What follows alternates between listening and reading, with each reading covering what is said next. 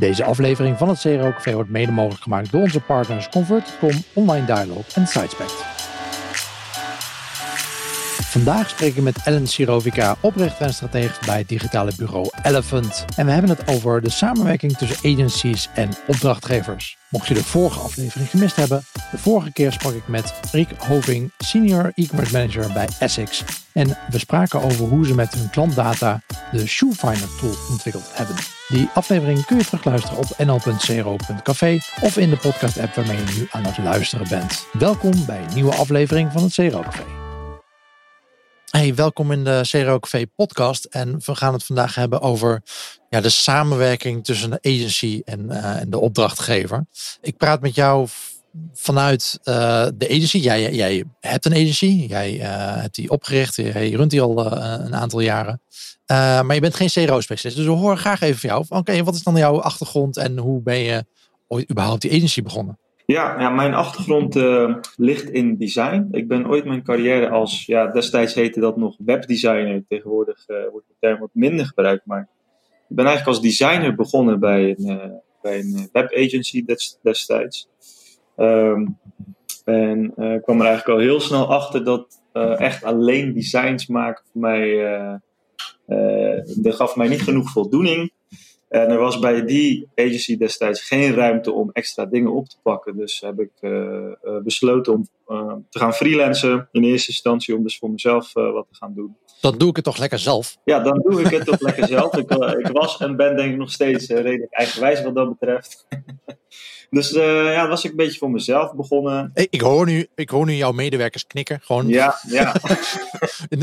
Vanuit de toekomst komt dat nu terug naar mij. Ja, sorry jongens. Super eigenwijs. Ja. Nee hoor, nee. En uh, uh, toen was ik voor mezelf begonnen omdat ik eigenlijk ook wat meer aansluiting wilde bij, bij het gedeelte. maar je krijgt dan automatisch ook te maken met projectmanagement. Dus wat ik deed was echt volledige website trajecten begeleiden. In vrij kleine vorm hoor. Dus het waren waren geen ingewikkelde sites, vooral corporate sites voor wat kleinere organisaties. Eh, waarbij ik eh, developers aanstuurde en aan de andere kant eh, de klant ook adviseerde. Ik, ik, begon het steeds leuker te vinden, maar ik wilde eigenlijk nog wel wat, wat meer dan dat. En toen heb ik toch besloten om van freelance naar eigenlijk een bedrijf te gaan. En heb ik een compagnon gevonden in een, een goede vriend van mij van, van de schooltijd, zeg maar. Dat is Fabian. En Fabian zit heel erg aan de kant van de business. Dus hij is heel erg commercieel gedreven. En dat was denk ik voor ons juist ook een hele mooie combinatie. Omdat hij gewoon heel ja, strak op de cijfers en winst en, en omzet kon gaan focussen. En ik kon echt op de kwaliteit van het eindproduct gaan focussen. Ja. Dus ja, eigenlijk vrij generalistisch. we begonnen vanuit design, maar toch, toch het volledige website traject onder me genomen. En dus langzaam van designer naar projectmanagement verschoven. Van projectmanagement ben ik nu eigenlijk in een wat meer strategische rol. Dus ik heb meer een helikopterview op, uh, op projecten die we doen. Waarbij ik wat meer richting de klant adviseren ben. Jullie uh, richten je dus niet alleen maar uh, op design en development, of tenminste dat, dat is de hoofdmoot. Maar jullie bieden ook uh, CRO-gerelateerde diensten aan, toch? Jullie bieden inzicht in customer journeys, dat soort dingen. zo, wat doen jullie daar allemaal mee? Ik denk dat, dat wij het wel een klein beetje anders doen. En dat heeft er waarschijnlijk mee te maken. De klanten die wij bedienen doorgaans een transitie maken van, ik noem het altijd maar, digitale puberteit naar digitale volwassenheid. Ja. Uh, dus ze hebben behoorlijk wat volwassenheid. Dat zijn klanten die waren al wel online. Ja. Maar... Ja, echt dan uh, de vraag van oké, okay, waar moeten we überhaupt op meten is al een, uh, is al een behoorlijke groei. Ja. Terwijl als je echt CRO gaat doen, ik ben geen specialist, maar volgens mij hebben je KPI's dan sowieso op orde en ga je ze verder optimaliseren. De meeste ja. van onze klanten hebben dat niet als wij starten.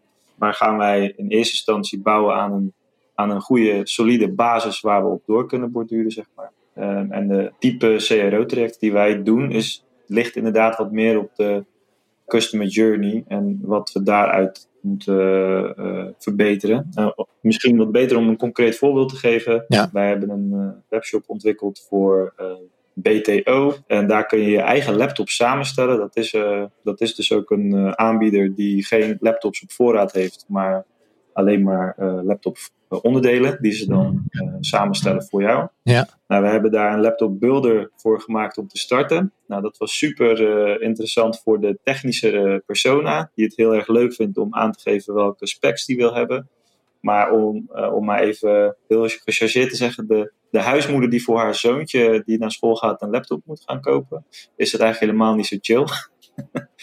dus dan ga je bijvoorbeeld kijken, oké, die andere persona, hoe zorgen we ervoor dat die configurator ook voor zo'n persoon gaat werken? En dan uh, daar bijvoorbeeld een keuzehulp voor gemaakt met wat simpelere vragen. Oké, uh, ga je het voor gamen gebruiken en wat voor games zijn dat dan? En op de achtergrond wordt dan een laptop voor je samengesteld.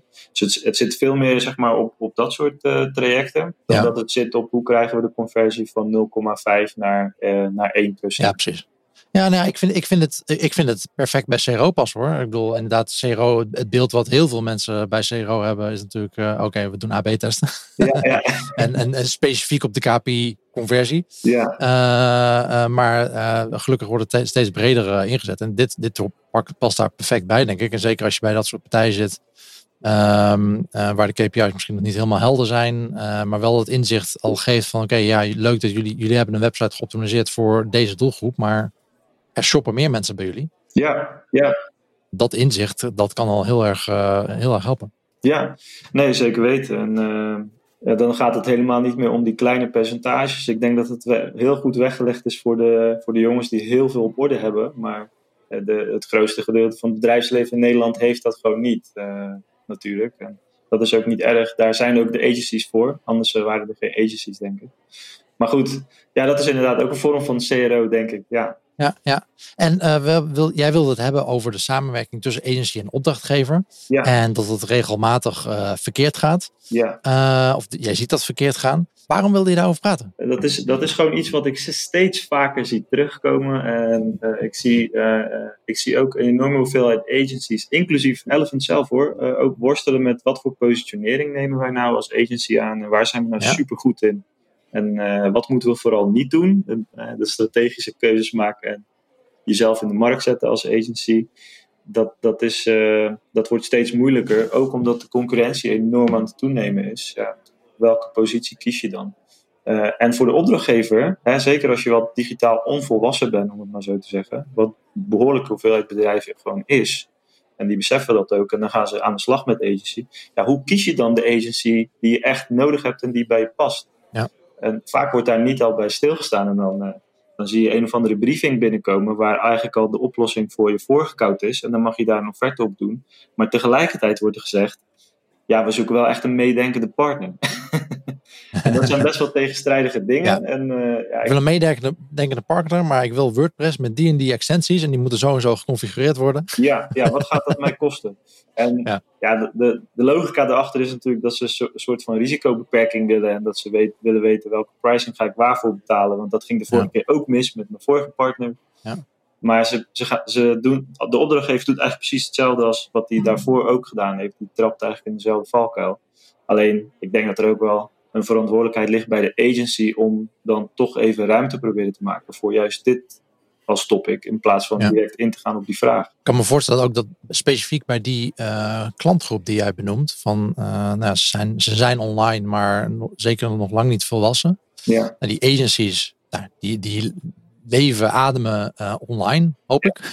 als het goed is wel. Dus ik kan me voorstellen dat er een behoorlijk gat zit tussen ehm, eh, de belevingswereld en de verwachtingspatroon ook van, van die, tussen die twee partijen. Ja, Eh, als je zegt van ja, ik krijg inderdaad zo'n briefing eh, binnen, dat je die briefing al leest en dan denkt van oké, maar deze persoon eh, of dit, dit bedrijf heeft überhaupt niet door wat ja, websites in elkaar steken of hoe dingen werken. ja, Ehm, dus dat, en, en dat creëert natuurlijk eh, ehm, ja, veel verschil, een groot verschil in verwachting, denk ik. Van, van wat kan vanuit het bedrijf, van oké, wat kan een agency voor mij betekenen? Wat betekent dat? ja nee, dat, dat klopt. En eh, ehm, ja, wat, wij eh, proberen te doen, en eh, dat is best wel een uitdaging, is, is heel goed kwalificeren. Eigenlijk, oké, wat, wat, wat voor vragen worden er gesteld door zo'n eh, ja, potentiële opdrachtgever die dan de briefing bij je neerlegt? En hoe zit Ja. die organisatie in elkaar? Nou, als we dan bijvoorbeeld hele complexe vragen stellen met vrij hoge verwachtingen, maar wij merken dat het daar organisatorisch nog niet goed op orde is. bijvoorbeeld een e-commerce gedreven vraag, maar er is geen e-commerce manager. Dat zien we dan bijvoorbeeld wel eens. Hè? Ja, dan, ja oké, dat, dat, dan weten we gewoon bijvoorbeeld al, dit gaat niet werken. Want je, je legt een behoorlijke. Dus de, de, deze beslissing heeft behoorlijke impact op je organisatie, maar vervolgens ligt de verantwoordelijkheid volledig bij ons als agency. Ja. Maar intern heb je, het, heb je het zelf, ja, heel flauw gezegd, nog even niet op orde. Ik denk dat je daar moet beginnen. En dan is het even de. Hè, want wij moeten ook, ons licht moet blijven branden. En, en dat is dan de, de ding van de agencies. Oké, je moet wel opdrachten binnen blijven halen. om in ieder geval je business te laten runnen. Maar tegelijkertijd is het soms eerlijker om te zeggen: ja, sorry, maar ik denk dat deze stap nog even iets te vroeg voor je komt. Laten we over een jaar eens verder praten als je dit wilt. Online Dialog is een award-winning CRO agency en geeft al 10 jaar advies over evidence-based conversieoptimalisatie met een focus op data en psychologie. We zien dat het analyseren van data en het herkennen van bezoekersgedrag zorgt voor een betere online dialoog met je klanten en dus voor meer rendement. Het team van strategen, analisten, psychologen en UX'ers zorgt voor waardevolle inzichten in het online gedrag van je bezoekers en ze optimaliseren samen met jou de verschillende onderdelen van je CRO-programma aan de hand van redesigns, expert reviews, AB-testen en gedragsanalyses. Wil je meer weten over hun diensten? Ga dan naar onlinedownload.nl/diensten. Dat doet mij denken aan een verhaal van, uh, van vorig jaar. Dat was een, uh, was een opdrachtgever. En die, uh, dat was B2B. En die runden een, een, een, iets met, met volgens mij iets van vier, vijf man. Runden zij een bestaande webshop. Maar daar wilden ze een, het bedrijf had bedacht, we willen daar een, een compleet ander merk naast zetten. een soort budget-friendly. Ze, ze, waren heel premium. Ze wilden daar een budget-friendly shop, een complete losse shop naast zetten. Compleet nieuwe producten en, en wat dan ook. Maar ik wist al van hun, van de bestaande webshop met, met die vier, vijf man die ze hadden, het was al nauwelijks, nauwelijks te runnen, zeg maar. Dat, dat konden ze al nauwelijks aan. Ja. Dus ik zei ook van, oké, maar dan wil je dus een nieuwe webshop naast zetten. Compleet nieuwe branding. En het was ook gewoon volledig naar de agency van, oké, we willen een nieuw merk neerzetten. Succes. Ja, ja. Oké, okay, um, hoe willen jullie het positioneren? Uh, hoe gaat het met? Zat er nog geen merknaam, geen positionering, geen nee, doelgroep?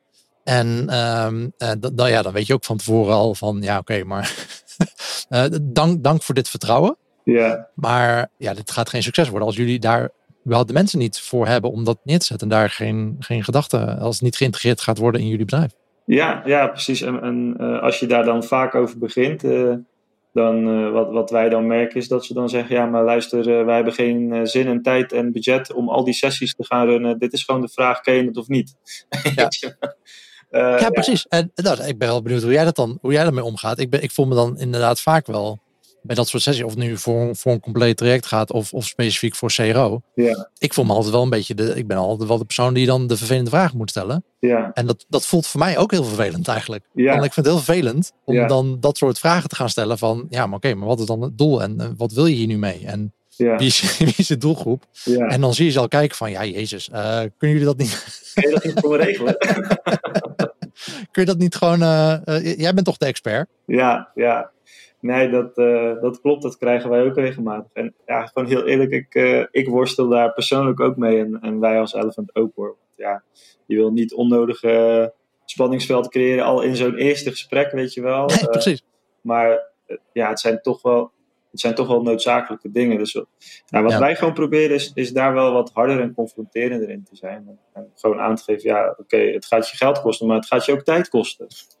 en hoeveel Ja. tijd heb je ervoor? Hoe, wat- Ja, waar, waar kan je aan committen? Dus- En wat, hoe ziet succes er voor jou uit dan? En ja, dan, dan schetsen wij, eigenlijk proberen wij randvoorwaarden voor die successen te schetsen. Natuurlijk is een van die randvoorwaarden een bepaalde investering die bij ons nodig is. Maar er zitten ook wel andere randvoorwaarden aan hè, waar je als opdrachtgever nog meer aan moet voldoen.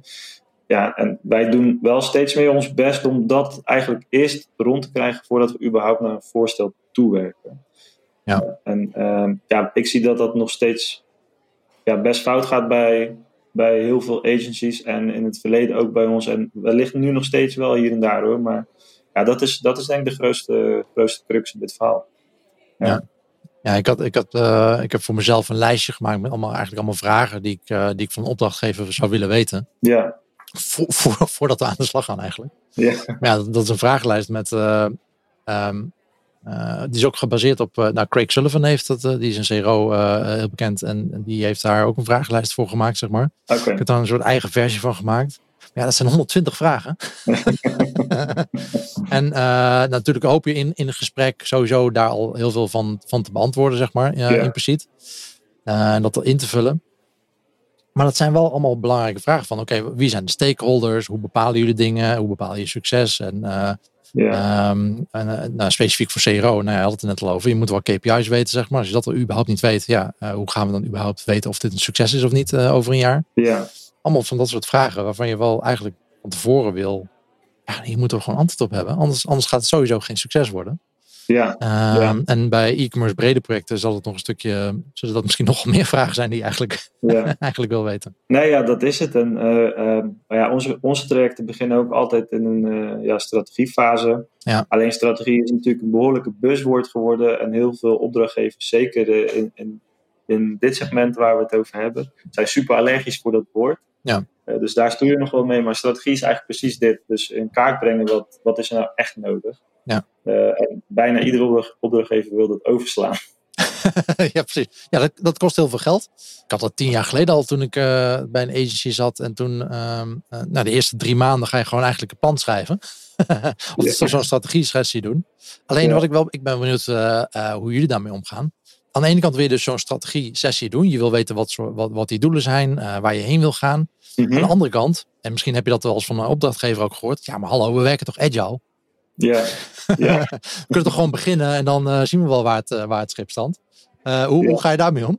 Als, als we graag de opdracht willen binnenhalen, dan, dan proberen we natuurlijk daar wel een beetje tactisch mee om te gaan. en dat doen we bijvoorbeeld door te kijken of we dan de, de vraag kunnen verkleinen, of de scope kunnen verkleinen, zodat we kunnen starten met een wat kleiner project die niet zoveel impact heeft op wat er precies gebeurt. Of als het dan fout gaat, dat het, dat het niet zo heel erg voelbaar is voor die klant. Uh, als daar ruimte voor is, dan, dan kunnen we het inderdaad wat, wat vlotter aanpakken. En dan zien we dat voor onszelf eigenlijk meer als een soort van onboarding. Eerste kennismakingstraject om ook die organisatie te leren kennen. En als daar geen ruimte voor is, dan, ehm, dan, dan, probeer, ja, weet je, dan doen we het gewoon niet. Heel eerlijk gezegd. Ja. ja. Ja, of gewoon op, een andere, op basis van andere voorwaarden natuurlijk. Ik bedoel, als, als jij gewoon ja, ziet... Nee, oké, we nou, schetsen gewoon de voorwaarden waar, waar... We schetsen de voorwaarden die we nodig hebben. En, ja. ja, als, als dat dan uh, volgens, volgens die opdrachtgever niet, uh, niet wenselijk is, ja, dan is het beter om het niet te doen. Ja, precies. En we hebben dit op de harde manier geleerd hoor, want we hebben echt wel een paar keer gedaan, uh, het juist aangepakt, zeg maar, in het begin. Ja. Ja, dat is gewoon echt heel erg fout gelopen. Ja, en dan ga je daar goed over na nadenken. En dan kost het je ook eigenlijk veel meer energie, tijd en, ja. en, en geld ook. En, en je hebt aan de andere kant heb je ook gewoon een, een slechte relatie opgebouwd, zeg maar.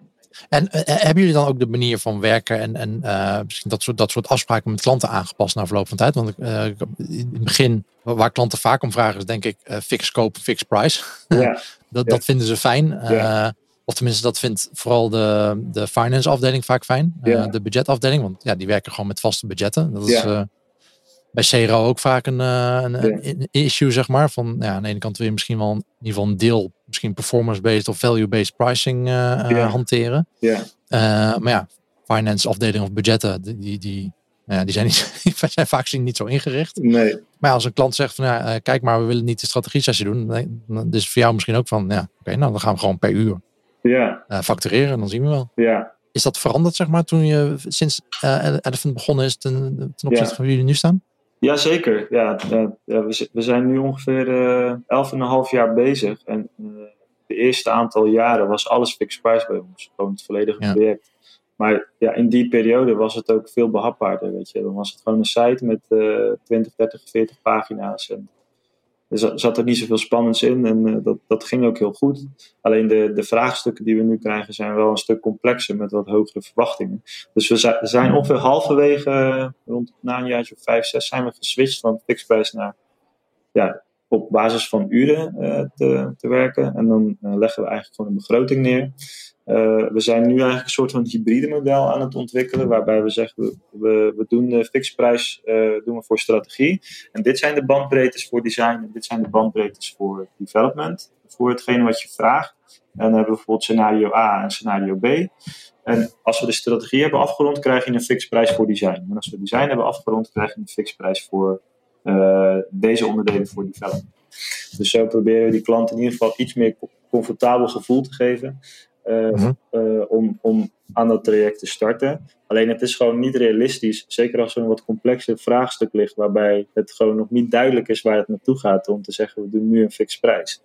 En uh, ja, we zien toch best wel, ja, ik noem het, uh, het is misschien een beetje gemeen om te zeggen, maar ik noem het dan toch wel cowboy agencies die op dit soort vragen wel fixprijs neerleggen, om die account maar binnen te halen. Ja. En uh, vanuit daar toch, eens, toch ergens de switch te maken naar een uurtarief, ergens waarschijnlijk. Want, dat moet bijna wel, ja. Dat moet bijna wel. En, ja, of, of je fixed price moet heel hoog zijn. Maar... ja, je zit natuurlijk altijd een stukje risico wat je erin opneemt. maar we krijgen echt best wel op wekelijkse basis aanvragen die op, op dit gebaseerd zijn. Dus waarbij ze zeggen, ja, ik zit daar en daar, ik ben niet tevreden, want het is allemaal uurtje factuurtje geworden. En ja, oké. Okay. Ja. Dan is het waarschijnlijk verkeerd begonnen. Maar ja, weet je, zowel die opdrachtgever als die agency hebben daar iets, iets in gedaan. Ja. Of juist iets niet in gedaan, zeg maar. Ja. Heeft het jullie relaties, relatie met, met de klant ook veranderd? Zeg maar die switch van, van fixed price naar, naar uurtje factuurtje. ja. Um, zo, dat was wel even geleden hoor, moet ik zeggen. Dus dat is nu alweer uh, vijf jaar uh, terug. Wat het eerst heeft veranderd is, is onze cashflow. ja. Want ja, je factureert op basis van milestones, factureer je opeens per maand op basis van de gewerkte tijd. In, in, positieve zin trouwens heeft het de cashflow veranderd daardoor. Ja. maar als je kijkt naar de, of dat wat voor de opdrachtgevers. De opdrachtgevers zijn bijna niet weggegaan, heel eerlijk gezegd. Nee, die zijn allemaal gebleven. AB-testen draagt bij aan de zekerheid van je bedrijf. Onderzoek welke teksten en site-elementen het beste bij jouw merk passen. Laat je omzet groeien en doe dat met de beste tool qua features, prijs en ondersteuning. Convert.com heeft daarnaast ook sterke privacy compliance, full stack features en dat allemaal zonder knippereffect. Enterprise veiligheid voor een self-service prijs. Bespaar tot 80% op je jaarlijks contract en als je wil is er een migratieservice beschikbaar. Voor meer info zie www.convert.com. Maar in het algemeen zijn de, uh, als je kijkt de, voor die switch en na die switch, mm -hmm. uh, los van de switch zelf, is de relatie, praat je op een andere manier over die uren, zeg maar. Denken de klanten anders over zo'n project? Denken ze meer of minder met jullie mee? Laten ze jullie vrijer of zijn ze juist meer betrokken? Of hoe, hoe, hoe zie je dat? Kijk, omdat wij zo klein zijn, ik heb vaak de pet op van de accountmanager, om het maar zo te zeggen. Dus ik zit Ja. in zo'n sales uh, traject met de klant te verkennen wat er nodig is. Uh, maar ik heb dan ook weer de pet op van die strateeg. En ja, dat is best wel een, een dunne lijn. En we merkten op een gegeven moment dat de klant uh, op een gegeven moment best wel eng vond om met mij in gesprek te gaan. Want ga ik nou wel uren rekenen voor dit gesprek? Of is het gewoon een kopje koffie? Als zijnde de accountmanager die even langskomt. Uh, dus dat was bijvoorbeeld het eerste probleem wat we als agency hadden. Om hoe, hoe krijgen we het voor elkaar dat die klant zich wat comfortabeler voelt om in ieder geval het gesprek aan te gaan. En uh, ja, ik moet ook wel echt begrijpen wat daar speelt om, om iets te kunnen zeggen over, uh, over het vervolg. De, dus we hebben daar sales en strategie hebben wat meer losgekoppeld, waardoor je ook echt een aparte accountmanager hebt, een aparte strategie, zodat de klant het wat duidelijker heeft. En tegelijkertijd hebben we eigenlijk in die verkennende fase, doen we nu wat meer vrijblijvend voor de bestaande klant in ieder geval. Um, en ja, nemen we die uren mee als het traject wordt uh, ingestart, dan, dan verrekenen we dat daar ergens, zeg maar. Dus wij pakken wat meer risico aan het begin. En dat is ook prima te overzien, omdat, ja, weet je, dat is geen, dat is geen gekke scope of zo wat daar ontstaat. Je kan prima even één of twee dagen investeren in een uh, klant wat al superveel wa waarde voor je oplevert. Uh, en als je dat goed investeert, ga je dat vanzelf weer terugkrijgen, zeg maar. dus dat is een beetje de filosofie die we nu proberen te hanteren. Oké. En dat heeft echt weer te maken met, met het feit dat die klanten nog die volwassenheidsslag aan het maken zijn. En daarin zit gewoon een hele grote dynamiek. Wat krijg ik nu voor mijn geld? Ja. en al is het maar 1000 euro, wat krijg ik voor die 1000 euro? Dus dat is, uh, ja, met dat soort type klanten werken wij. Uh, en uh, dat vinden we ook fijn, want wij, wij merken ook dat als we, als we zo'n klant een, een bepaalde volwassenheidsslag gemaakt, heb, mee, mee, mee hebben geholpen daarin ja, dan, dan voelt het wel alsof je het verschil maakt voor die klanten. Ja. Op een andere level dan bij wijze van voor Booking.com je kan zou kunnen doen. Maar uh, dat hoeft ook niet altijd. En uh, we hebben het hier in de podcast vaak over uh, een cultuur van experimenteren en valideren. Ja. en dat wil je bewerkstelligen bij je klant. Dat is eigenlijk een soort change management wat, wat we aan, het, aan het doen zijn. Ja. Hoe doen jullie dat bij, bij klanten? Zeker, je zegt nou, specifiek die niche van mensen die, die, die partijen die heel erg aan het groeien zijn online. Ja. Hoe proberen jullie die klanten daarin op te leiden, zeg maar? Want tenminste, in, in mijn optiek en, en, en wat, wat, wat ik heel veel terugzie, is dat de partijen wel bezig zijn met die, die klant op te leiden. Want als, als je dat niet doet, uh, ja, dan blijft die klant steken. Jij bent ze van alles aan het uitleggen, maar op, op een gegeven moment snappen ze het niet meer. Of als ze het niet zelf kunnen, zeg maar, als ze het zelf niet gaan leven, ja. dan is het meestal een korte relatie. Ja. ik weet niet of dat ook jouw ervaring is. Ja. Maar als dat inderdaad zo is, van, wat, wat doen jullie dan? Hoe, hoe proberen jullie de klant mee te krijgen? Ja, wat, wat wij doen, we doen het eigenlijk wat meer intern. Hm? Dus wat we extern doen, is een aantal keer per jaar bij uh, verschillende klanten het net ophalen van wat speelt er bij jullie en wat voor vragen hebben jullie. Uh, ja, richting ons of überhaupt als het neerkomt op, uh, op jullie digital ja. stuk.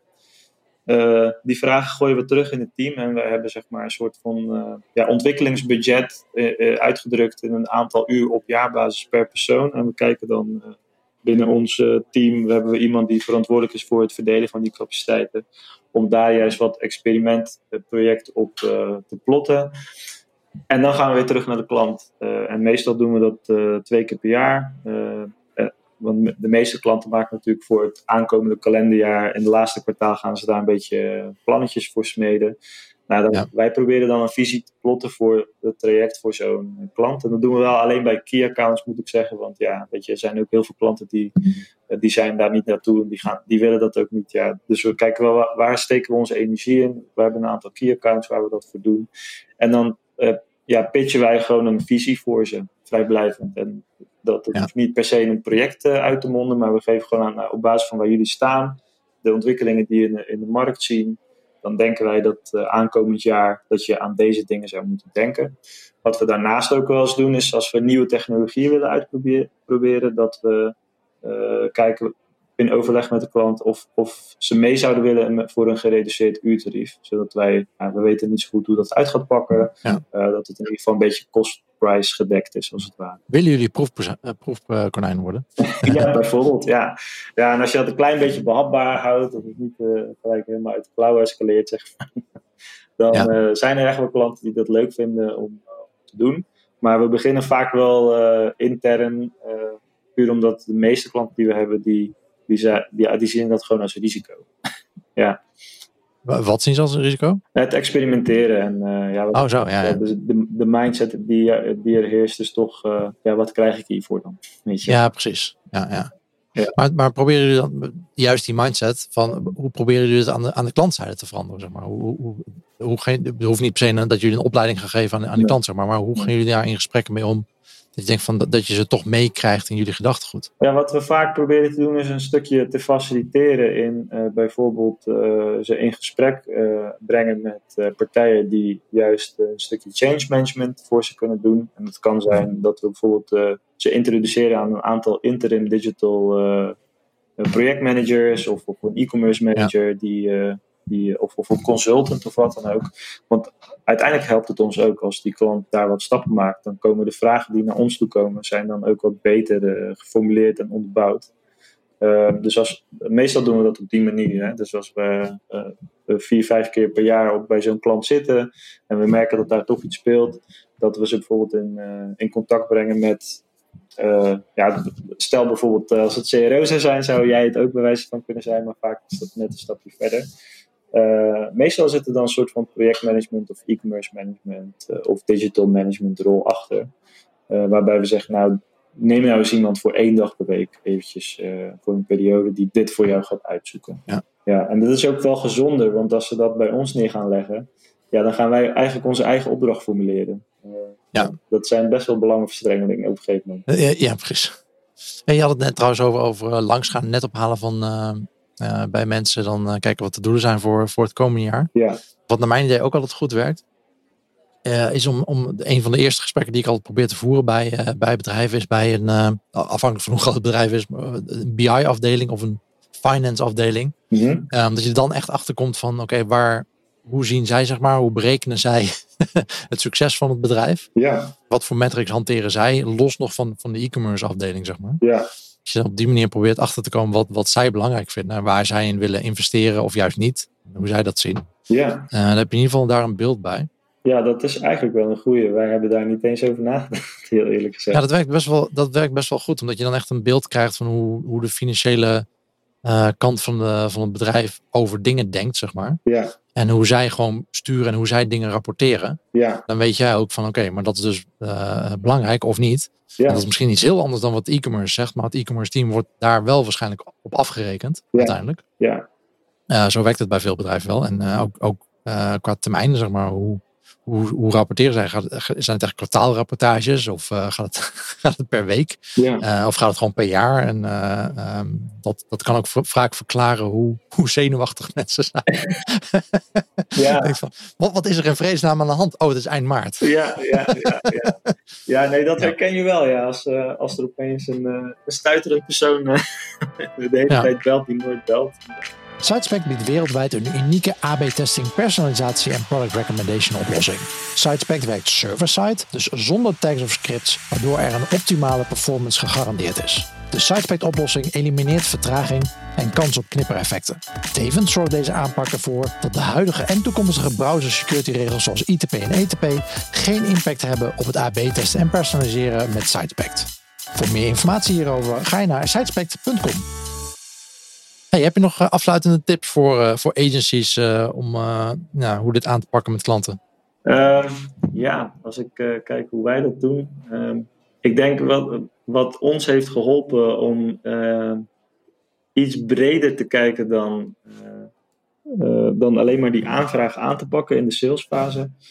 Is door er niet alleen naar te kijken. Dus als er een aanvraag bij ons binnenkomt, dan pak je dat vanuit een salespad op wij hebben daar nu ook iemand die daar echt voor als focus dat alleen maar heeft. Maar dan proberen we het ook op te pakken als vanuit een strategisch hoek. En dan hebben we eigenlijk uh, uh, ook een balans tussen, oké, ja, we moeten, we moeten kijken of we de deal binnen kunnen halen, even cru gezegd. Maar ook, oké, maar wat voor verschil kunnen wij echt maken? Dus dan, dan, het is best wel moeilijk om dat als één persoon tegelijk te doen. Ehm, dus ik, ik zou zeggen als tip, uh, kwalificeer natuurlijk eerst de aanvraag, maar als je het gevoel hebt dat er wat in zit, betrek dan iemand erbij die er wat verder weg van staat en die je wat meer oprecht kan aangeven wat er echt nodig is, in plaats van dat je toch onbewust een agenda in je hoofd hebt. Hoe ga ik heel slinks toewerken naar een uh, geformuleerde opdracht, zodat we kunnen starten? Want dat is natuurlijk dat wat sales doet. Uh, dus ik, ik denk dat dat wel een goede tip is. probeer er wat breder naar te kijken. En daarbij, je krijgt meestal een briefing wat heel erg oplossing-minded is, ga je eens probeer wat sneller of nou, wat langer stil te staan bij waar, waar komt die oplossing vandaan? Wat is nou echt het probleem? En daar is die klant meestal wel wat beter bij geholpen. Ja, want je vraagt om uh, WordPress of Magento, maar misschien uh, moet je een hele andere oplossing. Uh, ja, wat willen we eigenlijk oplossen? ja, ja. ja, precies. Ja. Hey, heel goed. En ja, als laatste, je had nog een boekentip voor ons. Ja, ja, ik heb hem zelf toevallig vorige week uh, als luisterboek dan uh, geluisterd. Ja? telt ook hoor. Ik, ik, ik, lees ook heel veel boeken, maar het zijn allemaal luister. Het gaat allemaal via Audible. ja, ja, en uh, dat is de coaching habit van, ik zit hem even op te zoeken van. Michael Bungay? Ja, Michael Bungay. Bungay? Ja, klopt, ja. Bungay. En ja, de coaching habit gaat eigenlijk, denk heeft hier heel veel mee te maken. Want, wat de coaching habit wat uh, dat boek vertelt is, uh, uh, ja, hoe zorg je er eigenlijk voor dat je die, ja, hij noemt het de advice monster.